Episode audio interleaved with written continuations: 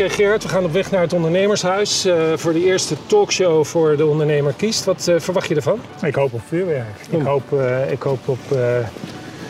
waar ik niet op hoop is verkiezingsretoriek. Mm -hmm. Ik hoop op hele duidelijke, concrete, meetbare standpunten. Ik hoop op snelheid.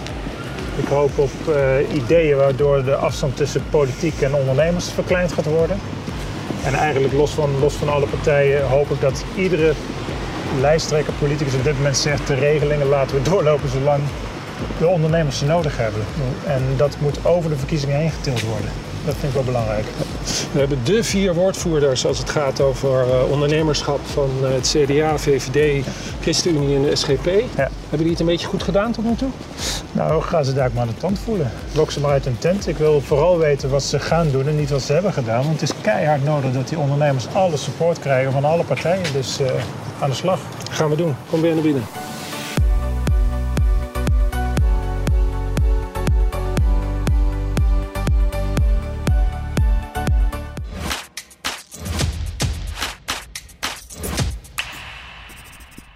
Ze zijn de motor van de Nederlandse economie, ondernemers in het MKB. Maar die motor piept en kraakt en valt soms helemaal stil, ondanks de steunpakketten die de overheid ter beschikking stelt.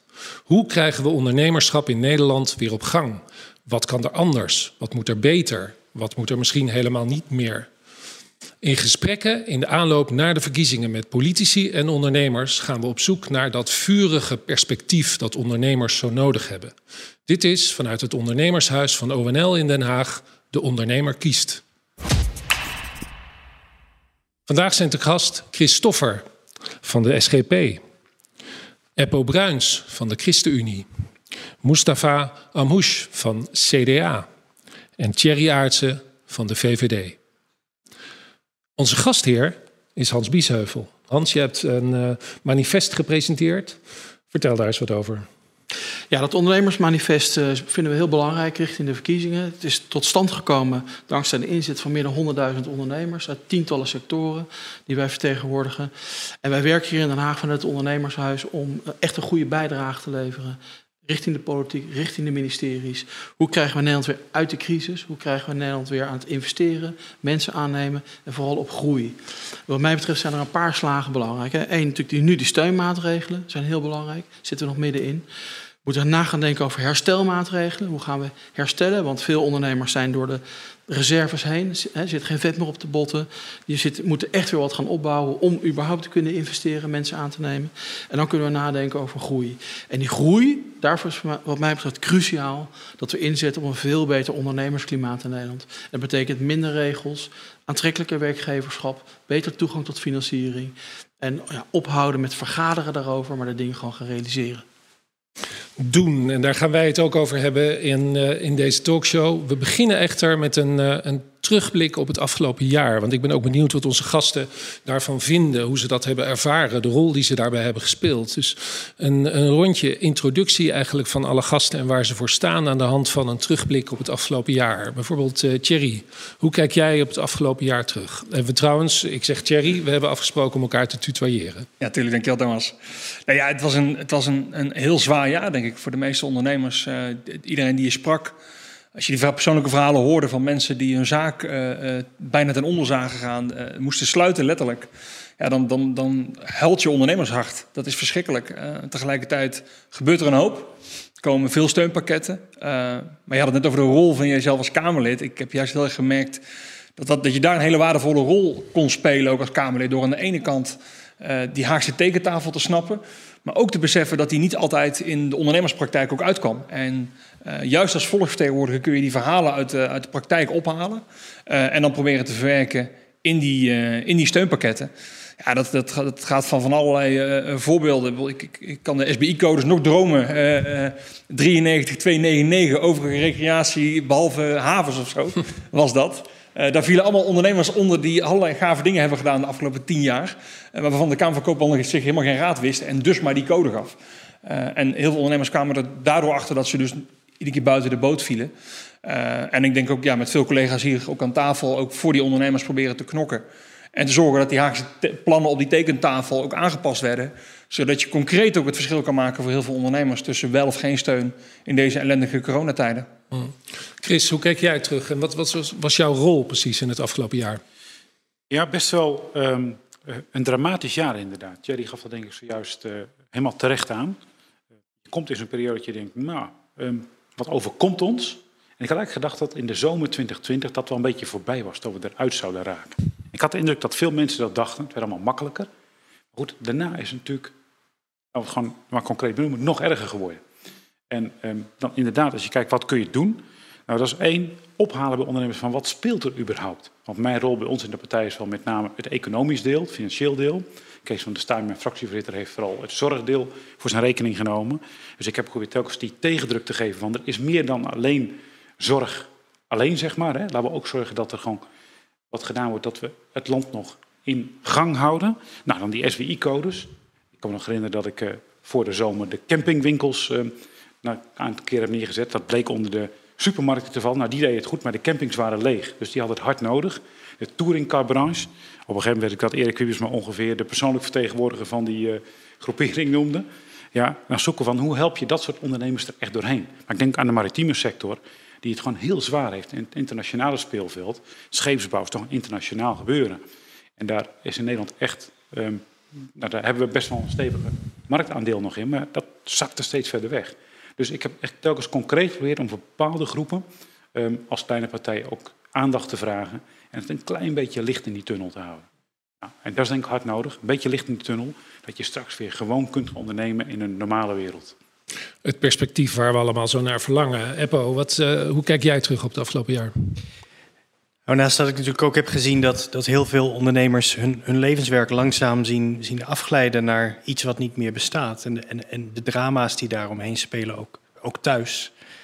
Um, moet ik zeggen dat ik ook wel uh, de crisis heb gezien als een moment waarbij je ziet wat is nou gezond bedrijfsleven en wat is ongezond bedrijfsleven dan zie je toch dat uh, ondernemers die op een verstandige manier ook wat vet op de botten hadden en wat buffers hadden, die konden die, die eerste periode, dus uh, kwartaal 2 vorig jaar, nog wel uitzingen. Terwijl je allerlei, vooral ook grotere bedrijven zag die, die uh, jarenlang heel veel aan de aandeelhouders hadden gegeven, maar waar de reserves minimaal waren, zag je toch dat die al heel snel met het handje bij, de, de, op, bij, de, bij de overheid kwamen. Dus ik, ik, ik moet zeggen dat ik ook wel met een zekere trots naar het Nederlandse MKB heb gekeken. Naar hoe goed ze de dingen voor elkaar hebben. Je kan zomaar een aantal maanden kan je uitzingen. Je hebt je personeel netjes in dienst.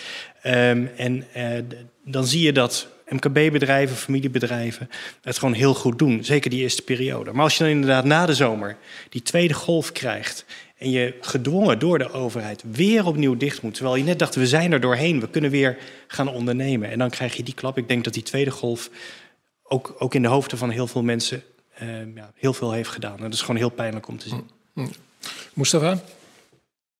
Ik denk wat Apple zegt, de twee kanten die ik zie van die medaille is inderdaad de bedrijven die echt wel in de problemen zijn gekomen. Ondanks dat we door de automatisering van heel veel van die steunmaatregelen honderdduizenden bedrijven hebben kunnen, kunnen helpen. Maar die laatste 10, 20 procent, dat zijn vaak wel de hele scheidende gevallen. Waar mensen, ondernemers slapeloze nachten hebben. Hoe betaal ik het einde van de maand? Maar ik moet ook zeggen, in het begin, toen iedereen een beetje verwerkt had van oké, die crisis, hè, inderdaad richting die zomer, kwamen er ook wel hele creatieve ideeën van ondernemers.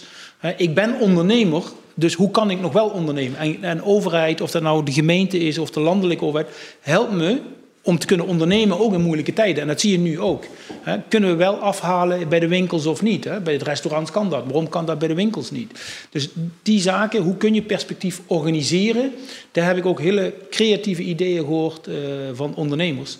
En als, als laatste natuurlijk, uh, wat, wat denk ik heel belangrijk is... Uh, nu hebben we het over steunmaatregelen, maar voornamelijk als we dadelijk naar een lockdown gaan, dan zijn de problemen nog niet opgelost. Heel veel ondernemers zijn onzeker ik heb de belasting uitgesteld. Ik heb een lening. Uh, ik, ik heb ergens anders schulden. Van hoe, hoe doe ik dat dan? Dus dat, is nog iets van een soort grote berg wat op die ondernemers afkomt. En daar moeten we echt blijven aandacht voor hebben, want het is nog niet voorbij. Mm. Ik hoor vaak, en uh, ik gooi maar even op tafel, ik hoor vaak het systeem zit ons een beetje in de weg. Er zit te veel systeem achter. Uh, het kan alleen maar in kwartalen. Het kan niet over kwartalen heen, bijvoorbeeld. Het ja. moet uh, van 1 januari tot uh, 1 juli, maar het mag niet eroverheen. we zitten voortdurend vast in dat, in dat systeem. Wanneer wordt het eens een keer tijd om dat systeem aan te gaan pakken? Wie? Ja, als je daar heel kort op mag reageren. Aan de ene kant denk ik, en volgens mij geldt dat voor, ook voor iedereen, is, is, is wel iets gebeurd in deze crisis dat wij wel duizenden, honderdduizenden mensen hebben heel snel kunnen helpen. In het begin van de crisis, die TOGS, die afkorting allemaal, die 4000 euro, als je hem maandags aanvroeg, had je hem volgens mij een einde van de week erop. Dus daar is al iets gebeurd op die ministeries, want als we dat hadden gevraagd buiten de coronacrisis om, dan weet ik niet hoeveel moties we nodig hadden. Ja. Dus dat is gebeurd. Alleen het maatwerk, en ik denk dat de collega's het ook kunnen bevestigen, het maatwerk, dat laatste, ja, daar moet wel iets mee. Dat, volgens mij is dat de, de geleerde les van 80% automatiseren. Hoe doe je dan het laatste maatwerk? En dat is de volgende opgave, denk ik. Ja. Tenminste, ik weer... Ja, eens. Kijk, je, je, je ziet hier gewoon, die, die steunpakketten zijn goed, maar ze kunnen nooit perfect zijn. Dat, dit is zo'n mega-operatie wat hier op dit moment gebeurt. Uh, dat, dat krijg je niet. En ik wil even, je noemde al die voorbeelden. Ik, al mijn handen jeuken als ik ze hoor. En, en, en, en de verhalen die we horen. Um, het liefst zou je voor iedereen maatwerk willen hebben. Het liefst zou je iedereen precies tot, tot twee cijfers achter de komma willen geven waar ze recht op hebben. Want ik vind ook dat ze recht op die steun hebben als hun zaak gesloten wordt. Maar ik vind ook, er zitten hier allemaal verantwoordelijke politici aan tafel, dat je ook eerlijk moet zijn naar ondernemers. Dat kan niet op deze manier zo snel. Als je dat wilt doen, dan ben je jaren bezig, gezien de aantallen. En dan ga je het geld overmaken naar de curator. Want het grootste probleem voor heel veel ondernemers is op dit moment liquiditeit. Zorgen dat ze heel snel geld op de bankrekening hebben. Dat lukt met deze pakketten. Maar dan moet je, ja, dat is net als bij een bedrijf. Soms moet je een keuze maken eh, voor het, voor het een, maar dat betekent dat je het ander niet kan doen. En dat geldt hier ook voor. We kiezen ervoor heel snel geld op die rekeningen. En de consequentie daarvan is dat je dus niet alles voor iedereen 100% goed kan regelen. Nee. Dat is ook het eerlijke verhaal. Ja, ja. Chris, wat, uh, wat ja, zie jij? Kijk, um, ik denk aan de ene kant het systeem. Aan de andere kant moet ik denk ook wel blij zijn dat we überhaupt een systeem hebben. Want dit overkwam ons hè, als uh, heel, hele samenleving. En um, ja, dat je dan überhaupt wat van de grond krijgt. Ik heb met bewondering staan kijken naar wat er ambtelijk van de grond werd getrokken. Het enige wat ik nu al merk is af te denken van... zit het niet iets te vast weer? In het begin werd enorm losgetrokken en werd alles uit de kast gehaald. En nu denk je van, misschien komt het wel weer iets te veel in het oude stramien. Dus um, ja, ik denk echt wat uh, Mustafa zojuist aangaf, dat het belangrijk is. Van, laten we alsjeblieft wel zorgen dat er weer flexibiliteit komt. En ik denk dat um, um, verantwoordelijke uh, kabinetsleden nu gewoon af en toe de vraag moeten stellen aan ambtelijke staven van... Uh, je zegt dat niet kan, maar hoe zou het dan wel kunnen? Mm. Een soort prioriteitenlijst. Dat je zegt, nou, op dit moment spelen we op de groot winkelbedrijven dat enorm, hè, met veel filialen. Die hebben echt een hele slechte regeling. Ja, dat zijn er zoveel. Dat kun je niet laten gebeuren. Dan moet je toch ergens dat boven een prioriteitenlijst kunnen zeggen. En dat wel. En dan misschien iets anders wat net niet helemaal binnen de capaciteit van de mensen past die het moeten doen, uh, oppakken. Of allianties zoeken, publiek-privaat. Ja. Denk je, als je te weinig ICT of um, uh, juridische mensen hebt. Ik denk dat er zeker een aantal bedrijven die zeggen, joh, weet je, het past misschien niet 100%, maar 80% wel. We willen best even wat bijzetten. Dus ik denk dat, dat dat soort creatieve dingen moet je nu gaan verzinnen. Om echt dat komende half jaar, drie kwart jaar door te kunnen komen. Ja. Eindelijk een regeling voor uh, starters EPO, maar die is dan pas in mei uh, kan, kan, die pas worden toegepast. Weet je? Dan bied je de starters eindelijk wat perspectief. Eindelijk. Maar ze moeten nog even vier maanden wachten. Ja, en het is ook wel vervelend dat het eigenlijk nu pas komt. Want we, we hebben, en ik zeg we, maar ik kijk over, ik, ook even naar Thierry, die heeft daar heel vocaal over, uh, telkens in de Kamer, uh, gesproken. We hebben die starters al een hele tijd willen helpen. En dan komt er eindelijk na druk vanuit de Kamer, vanuit ons vieren, uh, komt er zo'n startersregeling. Ja, en dan kost het toch nog even tijd. Maar ik wil wel om een beetje genade voor de ambtenaren vragen. Mm. Het is echt maar een handjevol mensen hè, die dit, zoiets dan opzet. Uh, het is ook weer niet dat Nederland nou uh, zwemt in de ambtenaren of zo. Dat, dat, dat, denken we wel eens, maar dat zijn echt uh, beelden vanuit de jaren tachtig. Het is een handjevol mensen die dit dan opzet. Die, het, het moet werken, het moet ook in één keer werken. Um, dus ik vind het ook wel weer knap dat wanneer wij dan zo hard duwen dat er weer een nieuwe regeling komt, dat die er dan ook komt. Want inderdaad. Um, het, het, kan allemaal omdat het geautomatiseerd snel kan. Maar dan moet je het ook wel zo inrichten dat je grote hoeveelheden er doorheen kan jassen. En Ja, daar zijn de ministeries eigenlijk niet op ingericht. En de uitvoeringsorganisaties zijn ook niet ingericht op deze regelingen. En dan doen ze dat toch maar mooi even. Um, voor in totaal, waar zitten we nu op? 75 miljard euro aan steunpakketten. En die lopen nu ook met verschillende regels, allemaal parallel. Het eerste steunpakket, het tweede, het derde, het opgepluste derde. En dat loopt allemaal door elkaar heen, steeds ruimer en steeds met andere voorwaarden. Omdat wij in het land en wij in de Kamer steeds andere voorwaarden wilden. Dus ja, toch ook wel petje af voor de, voor de publieke dienders die dit doen. Mm, ja. Laten we het daarbij laten voor dit, uh, voor dit deel, heren. Dan, uh, dan gaan we ons nu uh, concentreren op um, jullie verschillende statements... en de manier waarop jullie in de verkiezingen... maar vooral ook daarna willen manifesteren... aan de hand van het manifest van, van ONL. we beginnen met Thierry. Thierry Aartsen, je hebt uh, 40 seconden en daarvoor ga ik ook even mijn klok gebruiken. Ja. Want uh, ik ga redelijk streng voor je proberen te zijn. Komt goed. Uh, je hebt 40 seconden en wat ik graag van jou zou willen weten is: um, uh, zo gaan we zorgen voor een beter ondernemersklimaat. Ga je gang. Ja. Ja, als corona ons één ding heeft geleerd, is het wel hoe kil en koud onze dorpen en onze steden zijn als we de middenstanders missen. En het toont aan dat een winkel veel meer is dan een hut met spullen die je kunt kopen. Of dat een café veel meer is dan iets waar je maar wat kan eten en wat kan drinken. Het, zorgt voor die sociale contacten, voor elkaar ontmoeten. Het zorgt voor die, voor die gezellige winkelstraten, voor die dorpen die nog een beetje levendig en leefbaar uh, uh, zijn. Het zijn juist die middenstanders die voor banen zorgen, maar ook voor de kerstverlichting. Ook voor uh, die oudere mevrouw die een praatje kan maken in de winkel. Of uh, voor de stageplaatsen. Of voor de sponsoring van de lokale voetbalclub. Dat zijn juist echt die toegevoegde waarden van het MKB, van onze middenstanders. En ik denk dat wij de komende periode moeten knokken voor de heropbouw van onze middenstanders. Zodat we samen sterker verder kunnen uit deze crisis. Keurig, keurig. Hans, wat vind jij daarvan? Nou, ben ik het natuurlijk helemaal mee eens. Hè. Ik bedoel, ondernemerschap is de sleutel aan heel veel maatschappelijke uitdagingen. En dus ook hoe houden we de binnenstad levendig, hoe houden we wijken en buurten levendig. Dus helemaal mee eens. Uh, jammer is alleen dat de afgelopen jaren ja, ondernemers niet altijd het gevoel hebben gehad dat ze nou, voldoende gehoord werden. Hè. En met dat geluid hebben we toch afgelopen jaar toch een beleid gezien met, even los van corona, waarbij je dacht, ja, die regels blijven maar toenemen, dat die druk op dat werkgeverschap neemt toe. Dus ik hoop dat die mooie woorden ook echt wel ingevuld gaan worden met daden vanuit de politiek straks na de verkiezingen, met echt concreet MKB-beleid waar ondernemers merken hè, dat het inderdaad die ruimte om te ondernemen echt gaat toenemen. Mm -hmm. Mustafa. Ja, ik, ik, herken het. belangrijk is, het, het, fundament, het fundament van onze economie is het MKB. 93% of nog zelfs hoger van het aantal bedrijven is MKB. 70% van de mensen die werken bij een bedrijf, werkt in het MKB.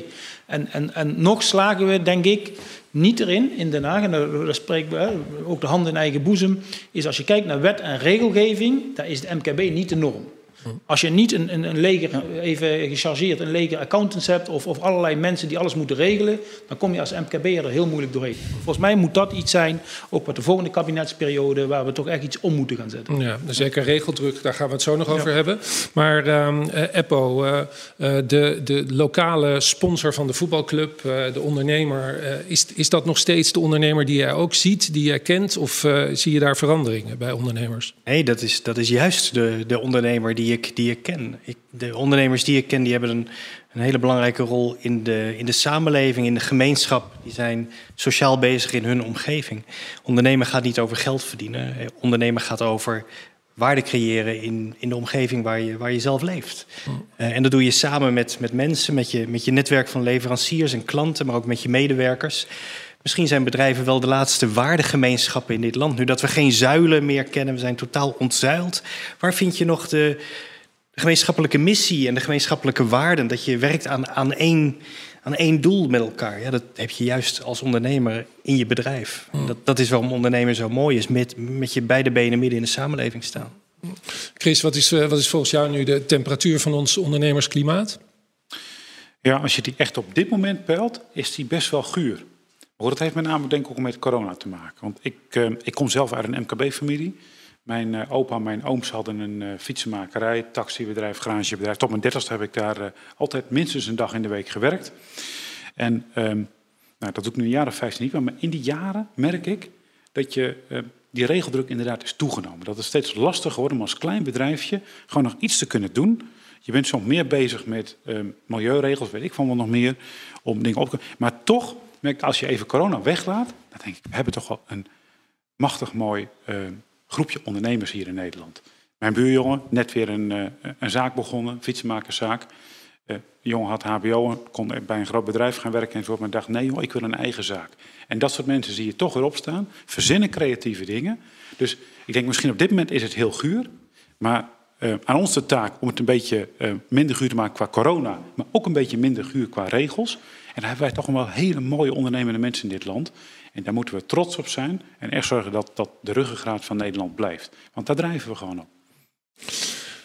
Nog even bij jou terugkomen, Thierry. Uh, de VVD uh, is de ondernemerspartij, zo wordt die in ieder geval vaak neergezet. Maar is dat niet steeds meer de ondernemerspartij van de grote ondernemingen geworden? Of geldt dat ook nog steeds voor de kleintjes? Nee, wat mij betreft zeker, uh, zeker niet. En, en, en, met het statement wat ik ook net zei, juist die kleine bedrijven moeten we, moeten we waarderen. En, en Hans maakt wel een terecht punt. Ik denk dat we daar nog wel aan winst kunnen winnen. Uh, omdat we inderdaad te veel in, in Den Haag over het bedrijfsleven spreken. Uh, en te weinig oog hebben voor dat, voor dat kleine bedrijfsleven, voor die K van het MKB. En laat ik een voorbeeld noemen. Uh, bij, bij de eerste steunronde, toen, toen zag je dat er een één groot bedrijf was dan, Booking.com, die dan daar ook gebruik van maakt. En eigenlijk alles wat links was vanaf Apple naar de andere kant, zeg maar. Dat begon dan moord en brand te schreeuwen. Want dan moesten er extra maatregelen komen. Want dan moesten de dividenden uit moest aan banden worden gelegd.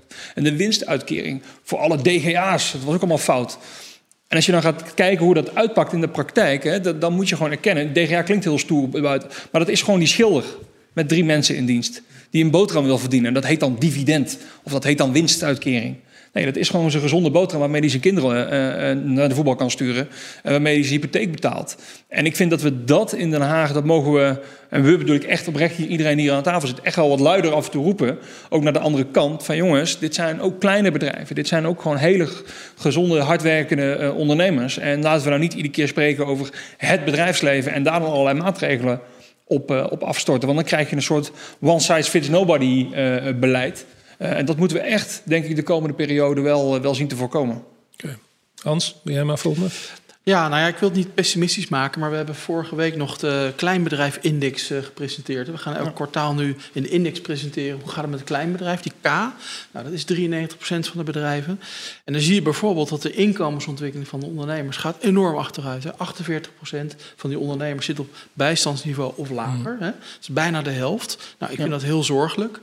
Um, heeft ook voor een deel met corona te maken, maar want, ja, vaak kan dit inkomen helemaal niet meer uit de zaak komen op dit moment. Als je een partner hebt of je hebt wat gespaard, kan je het privé nog uh, doorheen komen. De meeste lukt dat niet. En daar maken we echt wel zorgen over. Dus wij stellen ook voor ons manifest. Schrap dat woord DGA nou, hè, directeur groot aandeelhouder. Ja. Gewoon eigenaar of directeur-eigenaar desnoods. Want het woord directeur groot aandeelhouder, dan denk je toch niet iemand met een dure auto en een uh, koffertje en een laptop onder zijn arm. Terwijl het inderdaad vaak de bakker, de slager en de fietsenmaker zijn. Uh, dus het begint ook bij die beeldvorming. Kunnen we zelfs ondernemers ook veel aan doen. Uh, maar ik vind het ook belangrijk dat de politiek snapt... dat het geld moet eerst verdiend worden... en het wordt echt vooral in die kleinere bedrijven verdiend. Goed zo. We gaan het hebben over de regelgeving en uh, over de regeldruk met name. Een, uh, een, belangrijk onderwerp voor een hele hoop en ook in, in het manifest. Uh, Chris, jij hebt daarvoor 40 seconden op die camera. Dus ik ja. zet de klok voor je aan. Ga je gang. Ja, zonder regels heb je chaos. En in chaos, dat wij met elkaar, is het slecht leven en dus ook slecht ondernemen. Maar in Nederland is die regeldruk wel enorm toegenomen. Dat kost heel veel tijd, slurpt gewoon tijd. Het frustreert en het zorgt er ook voor dat we niet meer innoveren. Dus als SGP zeggen we, uh, we moeten echt een nullijn qua regels gaan hanteren. Als er een nieuwe bij komt, dat is af en toe gewoon nodig, hè, omdat je in een nieuwe situatie komt. Maar dan moet een oude eraf. En ik denk dat een nieuw kabinet ook echt weer een concrete doelstelling moet uh, stellen van um, echt regeldruk verminderen met daar een getal aan vast dat je zegt en daar sturen we op. Dat was de afgelopen vier jaar niet. En we zagen dat weer 1,2 miljoen of miljard aan regels daarbij kwam. Dus um, echt een concrete doelstelling daarbij. Geen onhaalbare uh, regels op, op het gebied van klimaat. Uh, wat dat betreft echt strak erop inzetten van sturen op minder regels, zodat ondernemerschap en innovatie weer echt een kans krijgt. Eppo, hoe vaak ben jij met uh, regel, uh, regeldruk bezig? Nou, als politiek in het algemeen zijn we vooral bezig met altijd creëren van nieuwe regels. Hoe je regels schrapt in de politiek is een van de grote mysteries van Den Haag, vrees ik. Hoe doe je dat? En ik denk dat alle partijen zoals ze hier zitten zeggen... er moeten minder regels voor ondernemers zijn. Maar hoe doe je dat eigenlijk in een wereld als de politiek? Het is heel, uh, heel lastig. Maar je, uh, ja, ik, ik, ik, ben het met Chris heel erg eens. Als je er eentje invoert, moet je er eigenlijk vijf schrappen. Uh, en, en dan luister ik ook heel graag naar ONL... van welke regels kunnen we nou schrappen? En dat vraag ik ook vaak aan Hans. Zeg het me maar, welke regels kunnen we schrappen? En, en er kunnen regels wel degelijk geschrapt worden. Uh, maar er is ook zoiets als uh, uh, bijvoorbeeld iets wat, wat, wat op initiatief van de ChristenUnie is ontstaan, de gidsproportionaliteit. Dat je bij aanbesteden, dat je proportioneel aanbesteedt, zodat het MKB ook een eerlijke kans krijgt. Uh, daar, daar, zat altijd een onafhankelijke commissie omheen om ervoor te zorgen dat de regels rondom aanbesteden simpel en helder bleven, zodat het MKB een eerlijke kans krijgt. En nou heeft toch het vorige kabinet onder, onder Henk Kamp, heeft die commissie die, daar, die dat adviseert, toch weer in het ministerie getrokken. En dan zijn er toch weer ambtenaren die dat gaan regelen. Ja, dan weet je, dan komt het niet goed. Je moet dan een onafhankelijke commissie neerzetten. Nou, dat is één zo'n ding wat we zomaar kunnen doen. Die commissie die gaat over die gidsproportionaliteit echt weer laten bestaan, bestaan uit ondernemers. Zodat zij kunnen zeggen dat, dat en dat en dat. Gewoon schrappen. En dan moeten we het ook doen. Hmm. Mustafa, het is uh, weer, weer terug naar de ambtenaren, hoor ik net. Ja, ik denk, ik denk dat we dit echt niet los, los kunnen laten. Want het is hetzelfde wat we net in het begin van het gesprek eh, hadden. Hè. Het systeem, het systeem, dat kan niet altijd het excuus zijn. Hmm. Als ik vandaag ook kijk, nog steeds, hè, als je een nieuwe ondernemer een bankrekening wil openen bij een bank, wat daarbij komt kijken en hoe lang het duurt, ja, daar kunnen we echt niet, geen genoegen mee nemen. Ondanks dat iedereen zegt, ja, dat moet van Brussel of dat moet van ik weet niet wat, dan zullen we terug naar die tekentafel moeten gaan. Ja, zo kun je niet ondernemen. Vorige week in het debat hebben we het ook aangekondigd als CDA. Eh, ondernemers hebben de NOW 1 aangevraagd, de NOW 2, NOW 3. En bij elke moet je volgens mij boven de 125.000 euro, dan moet je een accountantsverklaring. En dan zegt de minister, ja, we moeten natuurlijk ook uh, opletten voor fraude. Klopt, moeten we ook doen. Maar je moet wel ook naar de logica kijken. Als je als ondernemer elke keer al die accountantskosten in één jaar moet maken, waar, waar zijn we dan in dat stuk mee bezig? Hmm. En ik zeg niet dat het allemaal makkelijk is, dat wordt hier ook gezegd. Maar je moet terug naar de tekentafel. Je kunt niet zeggen het systeem dat. De regels lijken gemaakt voor om die 5% die probeert om uh, er een beetje tussendoor te fietsen, om die maar te behoeden voor die fouten, terwijl die 95% er enorm veel last van heeft. Uh, Thierry, wat vind jij ervan? Nou ja, ik denk dat het vooral belangrijk is dat die praktijk uh, dat dat bekend wordt in Den Haag bij de, bij de, bij de ambtenaren, de beleidsambtenaren. Hè? Want regels zijn vaak heel nobel. Het doel wat ze nastreven, denk je, nou, daar kunnen we ons allemaal in vinden. Maar het sluit niet aan op de praktijk. Want een goede regel is niet erg. We besluiten met elkaar niet door het rode licht heen te rijden. Dat is op zich best een prima regel. Um, uh, alleen als hij in de weg gaat zitten en als hij het ondernemer stopt, dan hebben ze een probleem. En ik denk vooral die, die link tussen de Haagse tekentafel en die praktijk, dat is een belangrijke. En we hebben dan uh, nieuwe regels voor uh, het tegengaan van discriminatie bij het aannemen van mensen. Daar is niemand tegen, hartstikke nobel. Dan wordt er een heel verplicht protocol gemaakt met wetten en hoe dat allemaal moet worden geregeld. Terwijl pa heeft zelf een, winkel. Als die een, iemand nieuw wil aannemen, dan schrijft hij op een briefje gezocht mensen. Die plakt hij op zijn etalageraam. En de eerste, de beste die binnenkomt, die eh, netjes Nederlands spreekt, zijn haar goed heeft gekamd en zijn schoenen heeft gepoetst en die morgen kan beginnen, die wordt het. Uh, alleen dan zeggen wij, nee, nee, je moet wel een heel protocol en et cetera, et cetera doen. En, en ik denk dat we ook veel meer vanuit die uh, blik naar die regels moeten gaan kijken voordat je ze opstelt. Dus het doel is nobel, maar hoe werken ze nou in die praktijk? En hoe wordt er nou vanuit die praktijkbril, vanuit die bouwvakker, vanuit die aannemer, vanuit uh, een, een, een, gemiddelde MKB'er naar zo'n probleem gekeken? En laat die ook meedenken, want er is geen enkele ondernemer voor discriminatie bij het aannemen van mensen. Uh, dus ik bedoel, gebruik ook de expertise en de creativiteit van ondernemers, zou ik zeggen. Mag, mag ik daar iets aan toe? Ga je gang. Want ik denk dat er in uh, Politiek Den Haag een enorm geloof in maakbaarheid is. En de afgelopen twintig jaar is er wel meer en meer zeg maar, vrijheid gegeven, maar dat kwam altijd gepaard met meer regels, meer toezicht, meer handhaving. En ik denk dat de overheid moet leren weer vertrouwen in de samenleving neer te leggen en vertrouwen aan de ondernemer te geven. En je ziet het bijvoorbeeld bij het punt wat Mustafa noemde, uh, de accountancy. Daar is die hele, de, de, de controle, de RA-kant, de controle-accountants. Uh, en dan gaat van schandaal naar schandaal. Het gaat altijd over die vier grote, uh, de, de Big Four. Ja. Um, en dan komen er nog meer regels en nog meer toezichting, nog meer handhaving. Dan komt er toezicht op de toezicht. En dan moet er een controleorgaan weer zijn die toezicht houdt op de toezicht. Maar laten we nou gewoon eens normaal doen. De meeste accountants zijn gewoon die AA's, die, die, die, die samenstelaccountants, die gewoon naast de MKB-ondernemers staan. Om gewoon helpen om zijn administratie op orde te hebben. Mm. Maar al die uh, controle. Uh, druk, die komt uit de RA-hoek. Die komt ook allemaal in die samenstelpraktijk terecht. En hebben al die MKB'ers hebben daar last van. De rekening van de accountant wordt steeds hoger. En het enige resultaat is dat er nog meer vinkjes worden gemaakt en nog meer fouten. Terwijl de bedoeling is om minder fouten te Ja, maken. Dus we moeten terug naar een overheid die vertrouwen durft te geven aan de samenleving en vertrouwen durft te geven aan de ondernemer. Ik zag Hans al heel druk knikken, maar ik wil eerst nog even van Chris horen wat hij vindt van de reacties. Ja, van dat- van één, voor één regel vijf regels weggooien. Ja, nou, ik zei voor 1-1, hè. Ja. Dat zou, kan- zou heel mooi zijn, hè. Dan wordt het in ieder geval niet meer. Maar dit klinkt nog beter. Ik, zei jij het? eh? Nee, nee, nee ambitie, ja. Apple is ambitieus. Ja, wij reizen veel samen en heb je dat. Ik moet even, dat Thierry zei op een gegeven moment valt me iets over... ehm, hebben ambtenaren nog door hoe het ongeveer werkt, zeg maar, in het land? Hè? En ik zat er vannacht aan te denken, toen ik eh, dacht van ik ga, vandaag, ik ga vandaag hier naartoe. Zou het niet gewoon een idee zijn om ambtenaren plicht één dag per week, als je bij EZK werkt, hè, één dag in een MKB-bedrijf te laten werken? En dan niet een dagje hier en de volgende dagje daar. Nee, gewoon een jaar lang of zo bij dezelfde MKB-ondernemer. En andersom, een aantal ondernemers ook een dag in de week op het ministerie. Want elkaar aanvoelen en snappen wat er speelt, dat, ehm, dat helpt enorm. En ik denk dat die werelden zijn misschien wel gewoon te gescheiden. En eh, de enige die ze tegenkomen, dat is, ben jij misschien wel, Hans. Ja. Dus dat zou denk ik meer moeten zijn. En misschien zou dat wel veel meer oplossen... dan dat wij met elkaar gaan bakkeleien in, eh, in de zaal met de blauwe bankjes... over allemaal dingen. Maar gewoon de ambtenaren die de dingen verzinnen... een dag dat mee laten maken. En andersom, ondernemers ook weten laten voelen... in welk spanningsveld ambtenaren zitten. Want dat is ook niet altijd makkelijk. Hè? En die hebben ook maar de grillen van politici te volgen enzovoort. Maar ik denk dat daar gewoon elkaar zien... weten wat op elkaar speelt op elkaars werkvloer. Ik denk dat dat zo helpt. Nou, Hans.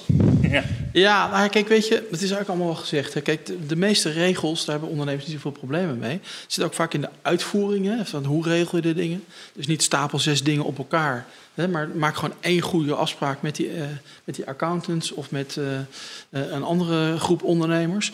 Ik heb wel eens gezegd, ja, ik zou een soort minister van de uitvoering moeten hebben. Dat eh, zeg maar, de beleid allemaal bedacht wordt in de Kamer, op die ministeries. Dat er één iemand verantwoordelijk wordt voor de uitvoering. Want we hebben de afgelopen jaar hebben we geprobeerd de praktijk naar Den Haag te brengen. Via de MKB-toets. Dus we hebben gekeken naar regels met ondernemers samen. Hoe werkt het nou in de praktijk? Nou, er zijn allemaal goede eh, verslagen van gekomen, goede rapporten van gekomen, inzichten van gekomen. Maar ja, dan loop je tegen het volgende fenomeen aan. Dat de staatssecretaris Keizer tegen mij zegt, nou fijn, ik heb al die MKB-toetsen, maar ja, nu moet een ander ministerie wat gaan doen.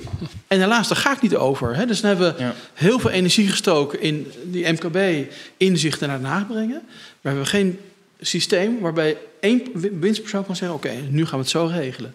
Dat klinkt misschien te simpel voor de politici hier, maar zo denken wij als ondernemers natuurlijk wel. Regel het gewoon. Dan eh, eh, is dit een heel mooi bruggetje naar de 40 seconden die jij eh, nu krijgt, eh Eppo, om iets te vertellen over het makkelijker maken van belastingen voor, voor ondernemers. Ga je gang. In Nederland eh, willen we sociaal zijn en we willen opkomen ook voor kwetsbare mensen. Maar je kan alleen maar sociaal zijn en opkomen voor kwetsbare mensen als je ook weet waar je geld mee verdient. En dat geld verdienen we in het bedrijfsleven, en met name in het MKB. En daarom moeten we zorgen dat het MKB kan groeien en kan bloeien. En dan wil ook de ChristenUnie een ondernemerspartij voor, juist voor deze MKB'ers en voor familiebedrijven zijn. En de ChristenUnie heeft eh, een paar maanden geleden een radicale belastingherziening gepresenteerd. Waarbij we zowel voor burgers als voor bedrijven zeggen: het belastingstelsel moet radicaal anders.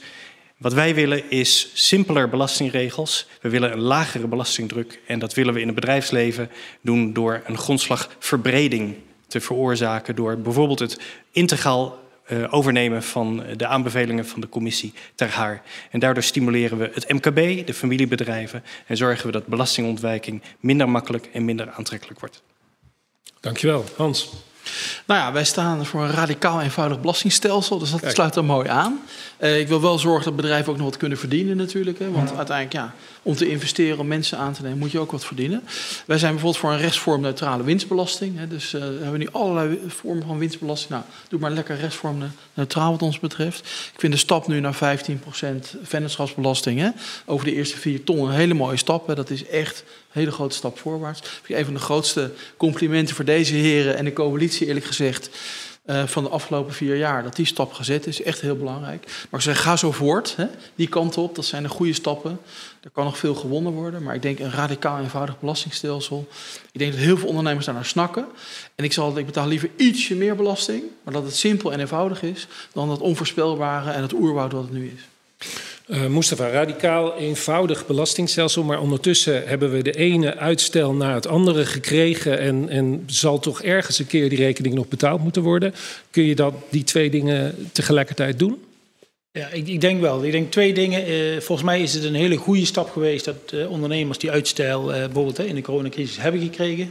samen als, als ook al hier als Kamer volgens mij hebben we er hard aan getrokken om coulance te hebben over die aflossingstermijnen. Zit dat nu niet krap op een half jaar of een jaar? Dat groeit nu volgens mij tot bijna zelfs vier jaar uit.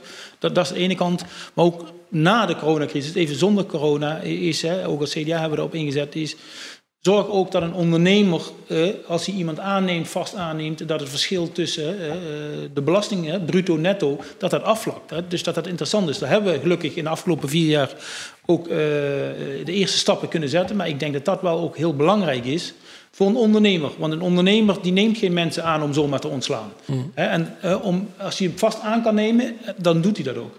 Of als hij iemand vast aan kan nemen en, uh, en hij is even goed afhankelijk van flexibel werk dan, dan moet die persoon vast ergens anders in dienst. Hè? Als een detachering, weet ik wat allemaal. Dat die mensen ook zekerheid hebben. En ik denk dat dat fiscaal geprikkeld mag worden. Hm. Oké. Goed. Uh, Thierry, uh, lachend naar de bank of uh, huilend naar de bank? hoe kijk jij tegen belasting? Een beetje aan welke bank, ligt een beetje aan welke bank dat, dat is natuurlijk. Maar belastinghervorming, hoe kijk je daar tegenaan? Ik denk dat, dat uh, inmiddels het systeem aantoont dat we de, dat het er niet meer onderuit komen. Dat dat wel, uh, wel nodig uh, is. Hè? En, en, je ziet dat bij meerdere, dat er meerdere problemen zijn die die belastinghervorming nodig achten. Ik denk vooral dat je, dat je moet zorgen dat dat kleine MKB dat dat weer financieel wat ruimte krijgt. het is natuurlijk best gek dat het net zo duur is, vind ik, om je eerste, je tweede, je derde medewerker aan te nemen, als dat het je honderdste 1, 102, 103 is. Terwijl dan kun jij prima uh, iets meer in, jouw, jouw bedrijfsvoering het regelen. terwijl je wil juist om die economie te laten groeien, om die bedrijven ook te laten groeien. Dat zo'n ZZP'er denkt, poeh, ik kan die opdrachten niet meer aan. Dan zegt u nu vaak, nou, ik zit niet te wachten op, uh, om, om werkgever te gaan worden. Laat maar zitten. Uh, uh, ik zeg wel een paar opdrachten af. Terwijl je, nee, je wil juist dat die zegt, nou, weet je wat. Ik ga een tweede, een derde en vierde persoon aan, aannemen. Zodat ik kan groeien als bedrijf. want dat is de economische groei die je wil, wil hebben. Voor die ondernemer, want die kan een betere boterham verdienen. En voor de welvaart van ons land. En ik denk dat we veel meer op die manier naar het belastingstelsel moeten kijken. Hoe kunnen we ervoor zorgen dat we de juiste prikkels overal in een systeem uh, bouwen. En dat we het ook aantrekkelijk maken om te groeien als bedrijf. Want daar zullen we als, als land ook onze, onze boterham in moeten blijven verdienen.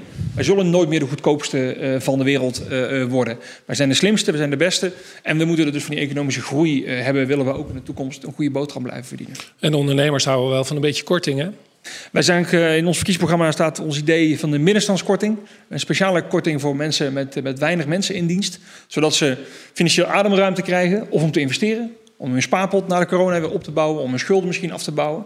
En om misschien nieuwe mensen in dienst te nemen. Hmm. Dus een middenstandskorting voor de ondernemers. Eppo, jij mag zo. Chris, ik wil uh, nog even van jou weten met je MKB-achtergrond en je, de familie waar je vandaan komt. Wat, wat speelt de belasting voor rol daar? En hoe, wordt daar, hoe kijk je er zelf tegenaan? Nou, in die tijd... Uh Kijk, wij, in ons familiebedrijf bestaat het maar een klein deel van trouwens. Het meeste is uh, helaas gestopt. Alleen nog twee stukjes garage bestaan. Okay. Maar um, nee, we werkten altijd gewoon. We dachten, eerst moet je wat verdiend hebben en dan kun je het pas uitgeven. Mm. Dus uh, in goede tijden deden we het een beetje de tering naar de nering zetten. Want in slechte tijden dan uh, moest je iets overhouden om tegen de economie in te kunnen investeren.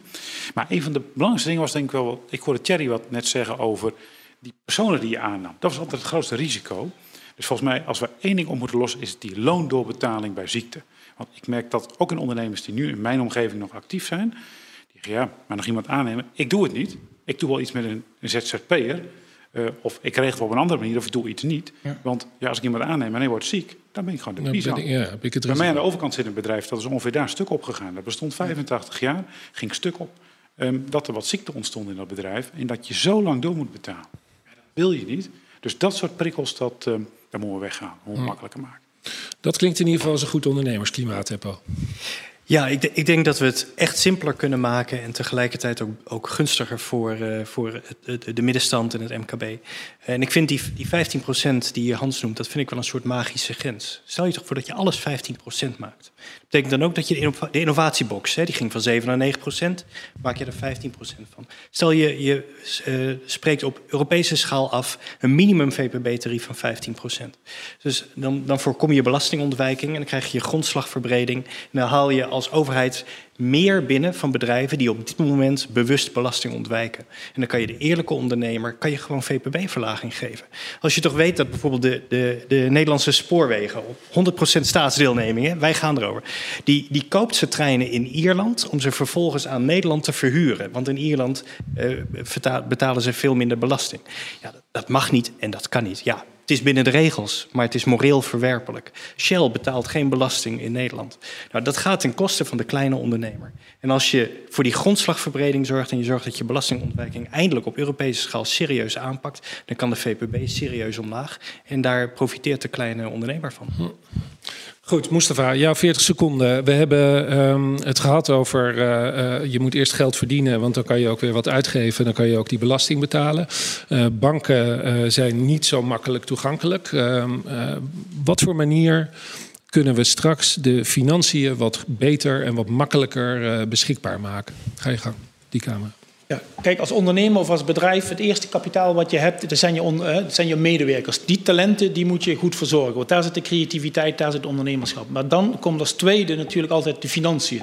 En geld is niet geld dat we het lekker op tafel hebben, maar het is gewoon een middel om je organisatie eh, verder te hebben. En wat ik zie in de praktijk is één, wij moeten als overheid zorgen dat wij interessante financieringen of investeringsinstrumenten hebben, dat een bedrijf kan ook innoveren, vooruit kan denken, of dat nou is met de klimaattransitie of andere zaken.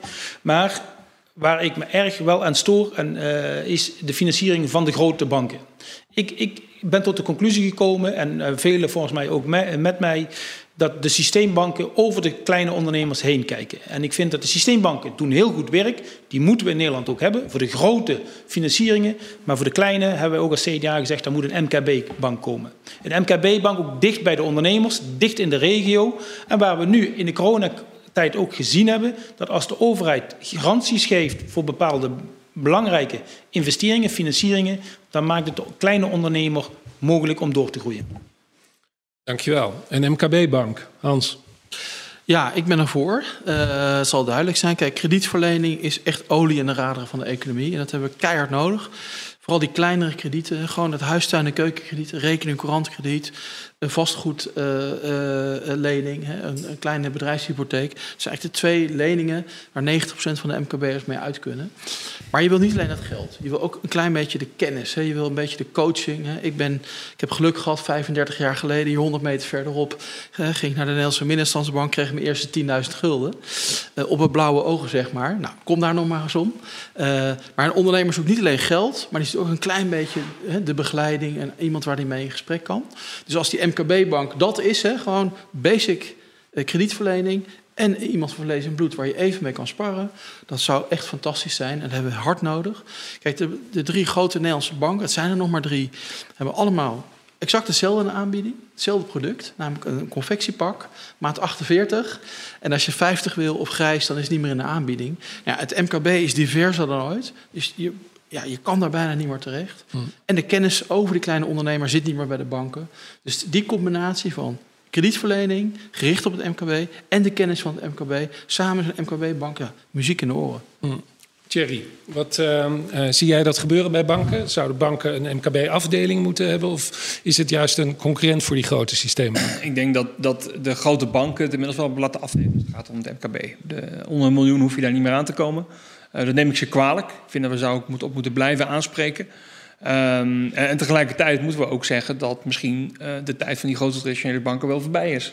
De, er is op papier is er kapitaal genoeg in, in de wereld op dit moment. en ik zie ook hele mooie initiatieven van inderdaad private partijen die zeggen: Nou, ik wil misschien niet die risicovolle rentes van, van, van, van, van 7, 8, 9 procent. Ik wil juist het Nederlandse bedrijfsleven, juist die kleinere bedrijven verder helpen. Daar zie ik al hele mooie voorbeelden in. Ehm, maar die komen vaak niet helemaal van de grond, omdat we daar weer allerlei regels voor hebben met bankvergunningen, met uh, crowdfinanciering en dat soort zaken. Dus ik denk dat we daar veel meer winst te halen hebben. want op dit moment, ik denk dat je veel beter een, een, een ondernemer achter je kan hebben die in jouw plan gelooft, die ook kan zeggen, weet je wat, voor mij moet je dit, dit net even anders doen. Of uh, uh, als je toch gaat ondernemen, doe het dan zo. Of ik ken nog wel iemand uh, die misschien voor jouw leverancier wel, wel interessant kan, kan zijn. Ik denk dat dat veel, in, veel belangrijker is dan een bankmedewerker die dat, die dat probeert te doen. Oké. Okay. Chris, maar de meeste banken zeggen ja, maar wij hebben gewoon een afdeling voor het MKB. Ja, ja ik ben opgegroeid, opgegroeid naast en tegenover de Rabobank. Dat was vroeger bij ons de bank, daar kon ieder ondernemer terecht. Maar ik moet eerlijk zeggen, ze laten het gewoon afweten. Ook in de omgeving waar ik zit. Waar vroeger gewoon ondernemers in het bestuur zaten. En keken van, nou zit hier een beetje muziek in of daar. Zit er niet meer. Dus ik moet eerlijk zeggen, in een nieuwe bank. Denk ja, als je een paar jaar verder bent, doen ze volgens mij weer precies hetzelfde. Want iedereen gaat elkaar achterna. Dus ik geloof ook meer in die crowdfunding. En volgens mij moeten we dat makkelijker uh, maken, meer faciliteren. Daar heb je ook dan ondernemers achter zitten. Dus dan heb je en het geld. Want geld is te zat in Nederland. Dat is helemaal het punt niet. Alleen, je moet het op de goede plek zien te krijgen. Um, en er zijn ook zat ondernemers of gestopte ondernemers die zeggen: joh, ik heb kapitaal genoeg staan, ik wil het wel ergens instoppen. Maar het moet wel lukken. En het moet ook een heel klein beetje kunnen renderen. Dus ik geloof meer in, uh, in crowdfunding en dat aantrekkelijker maken. Dan heb je en het geld en het advies van zo'n ervaren ondernemer. Mm. En dan kan zo'n jonge startende ondernemer ook weer heel goed op weg helpen. Of op weg helpen om een volgende stap te zetten in je bedrijf. Dus ik geloof meer daarin langzamerhand dan in weer nieuwe banken die um, ja, straks gewoon weer net voor als alle andere banken. Ja, op dit moment uh, moesten we... Eppo, want uh, de private financiering hoor ik hier... Uh... Nee, maar ik denk dat we een enorme kans hebben. We hebben de Volksbank nog steeds in bezit. We, de staat. al twaalf jaar, sinds de crisis. En daar kunnen we een bank van maken zoals we willen dat die werkt. Mm. En de grote banken zijn eigenlijk allemaal institutionele risicobeleggers geworden. Uh, inderdaad, zoals Thierry al zegt, er is geld zat in de wereld. Er, is haast helikoptergeld. De ECB blijft maar bijdrukken. We weten niet eens waar het is. Waar is het? Het zijn allemaal banken die, die aan elkaar uitlenen uh, en, en, die de economie verzieken. Uh, met de Volksbank nog in handen kunnen we zeggen... de staat start een vierde bank...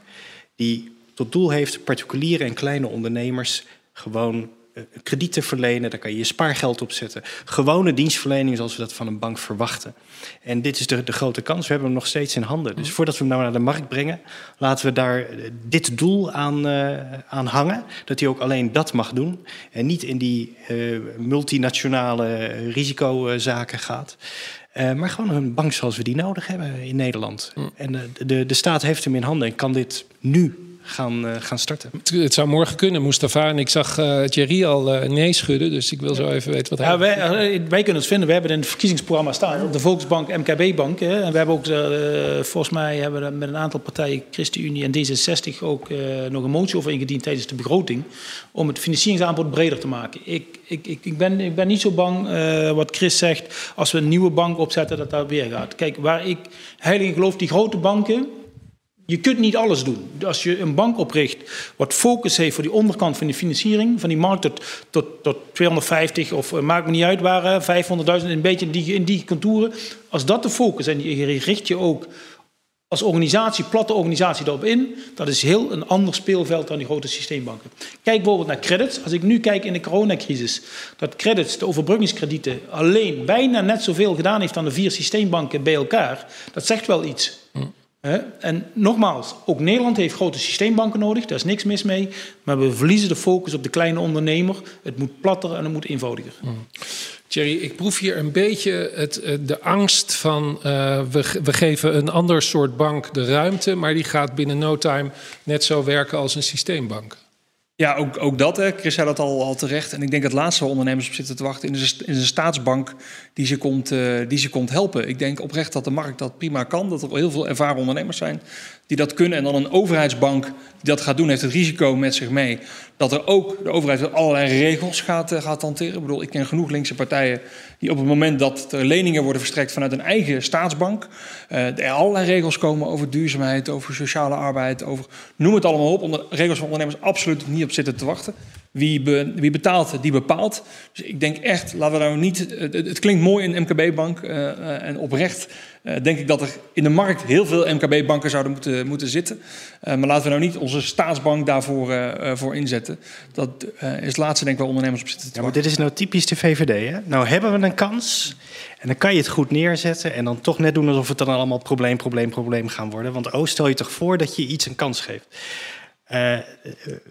Ondernemers willen een bank die er voor hun is. En we hebben er nog één in handen. En het hoeft niet een staatsbank te blijven.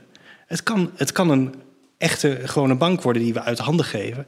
Maar die wel vasthangt aan een bepaald, doel. Namelijk kleine ondernemers en particulieren gewoon de, de bankdienstverlening geven waar ze op zitten te wachten. Mustafa? Nee, ik ben het eens. Kijk, wat als, je, als je nu niks doet, dan weet je dat het ook niet beter gaat worden. Dus uh, we hebben de systeembank, we weten hoe het werkt. We hebben een aantal kleinere financiers.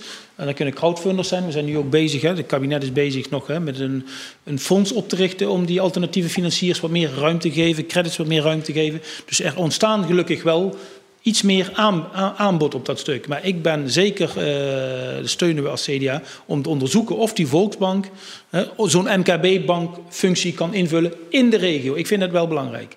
Want de Nederlandse economie is regionaal georganiseerd. De economie van Limburg is niet de economie van Noord-Holland. Uh, en dan moet je dus niet alles richting hoofdkantoren terugleggen en dat daar de beslissingen over genomen worden over een MKB-bedrijf in, in waar ik zelf woon. Hans, een, een simpeler bank die ook nog een keer om de hoek zit. Ja, nou ja, kijk, het kan en-en. Want ik heb allerlei mogelijkheden hier gehoord. Kijk, ik ben voor die MKB-bank, voor wat ik dan noem het huistuin- en keukenbankieren. Maar goed, daarnaast hebben we behoefte aan crowdfunding. Is er behoefte aan credits, hè, want die op startleningen. Nou, ik ben nou bij de credits betrokken. Ik zit in een raad van toezicht. Ik coach een aantal ondernemers. Ik ben heel trots op dat credits de afgelopen jaar zoveel ondernemers heeft kunnen helpen. En wat is daar toverwoord? Dat is maatwerk en aandacht. We hebben 25 adviseurs door heel Nederland heen. Die gewoon de ondernemer thuis bezoeken. Die met die ondernemer in gesprek gaat. Vaak ook met het gezin erbij. Hoe gaan we het samen het plan uh, realiseren wat je hebt. En die menselijke aanpak, dicht bij die ondernemer, daar geloof ik in. Dat zit niet voor mij in ouderwetse kantoren met loketten. Maar dat zit wel op het punt van gericht op die ondernemer. Met dat maatwerk, met die aandacht. We gaan hier ongetwijfeld nog een keer op terugkomen, maar we gaan nu afronden. En dat doen we, Hans, aan de hand van uh, een heel klein rondje... waarin ik graag van alle heren zou willen weten wie zij zouden voordragen... voor een minister van Ondernemerschap en Handel. Eerst even heel kort, waarom wil je die? Nou, ik denk dat ondernemerschap, we zijn er eigenlijk mee begonnen vandaag. Hè. Het is echt de sleutel naar een maatschappelijke uitdaging. Ook de sleutel naar innovatie, naar banen. Ik vind dat ondernemerschap moet eigenlijk iedere ministerraad uh, goed vertegenwoordigd zijn. Uh, dus ik ben daarvoor om die minister van Ondernemerschap uh, te krijgen. Ook om te zorgen dat bij al die ministeries dat belang van het ondernemerschap goed op de kaart staat. En niet alleen maar bij EZK. Dus ik zou het fantastisch vinden als zo iemand er komt. Oké. Goed, heren. Um, onder dankzegging voor uw aanwezigheid toch nog even. Wie zou dan die rol moeten vervullen? Thierry, ik ben benieuwd. Ja, ik zou dan Mark Rutte uh, voordragen. Uh, die zou eigenlijk naast zijn ministerschap van Algemene Zaken, hopelijk krijgt de man het een beetje rustiger uh, na die coronacrisis, natuurlijk ook onze minister voor Ondernemerschap en Innovatie zijn. Want ik denk dat oprecht ondernemerschap en innovatie is de kurk waar onze samenleving op drijft. Waardoor heel veel andere dingen, zoals zorg, onderwijs, politie, het leger, allemaal mogelijk zijn. Het zorgt voor de boterham op de plank, het zorgt voor onze welvaart met elkaar. Uh, dat we ook voor elkaar kunnen zorgen, naar elkaar om kunnen kijken. Uh, dus ik denk dat dat wat dat betreft prioriteit nummer één kan zijn. En wie beter dan Mark Rutte om daar zich over te bekommeren. Oké, okay. Chris. Ja, um, ik heb even onze ledenlijst gekeken. Ik dacht, stel nu wij hem mogen leveren. Ik ben uitgekomen bij Adorst. Dat is een uh, redelijk grote MKB-ondernemer, mm. SGP-lid, voorzitter van ons uh, ondernemersplatform. Heeft acht jaar ervaring in de Staten en Zeeland directeur van Maas en Haghoort. Dus iedereen kan hem googlen. Maar ik denk, dat is een echte ondernemer. Die weet hoe het zit. Die weet ook hoe je eh, om moet gaan met, met, met allerlei uh, problemen die je hebt in het bedrijfsleven. Daar besteedt hij ook een deel van zijn tijd aan. Dus ja, ik draag al dorst voor. Ik denk dat iedere ondernemer in Nederland daar hartstikke blij van zou worden. Goed, Eppo. Uh, ik draag Hans voor. en Jacob Vonhoff wordt zijn staatssecretaris. uh, maar als ik iemand van de ChristenUnie-lijst zou nemen, zou dat absoluut Carola Schouten zijn. Ze zou een voortreffelijke minister voor ondernemerschap zijn. Hm. Oké. Okay. Mustafa?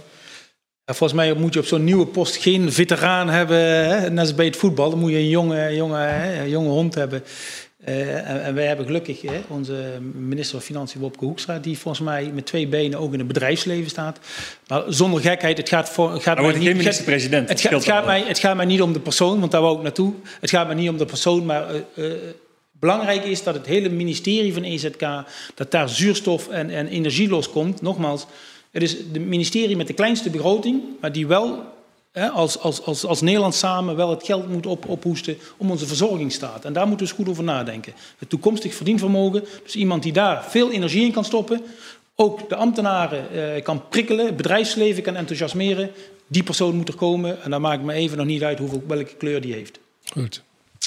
Goed, dank allemaal nogmaals. Uh, dank Hans voor de, voor de gastvrijheid. Dit was uh, de eerste aflevering van De Ondernemer kiest op video. Dat doen we ook in podcast, dat doen we ook met artikelen. We gaan ons uh, voortdurend bezighouden met wat er speelt in de aanloop naar de verkiezingen.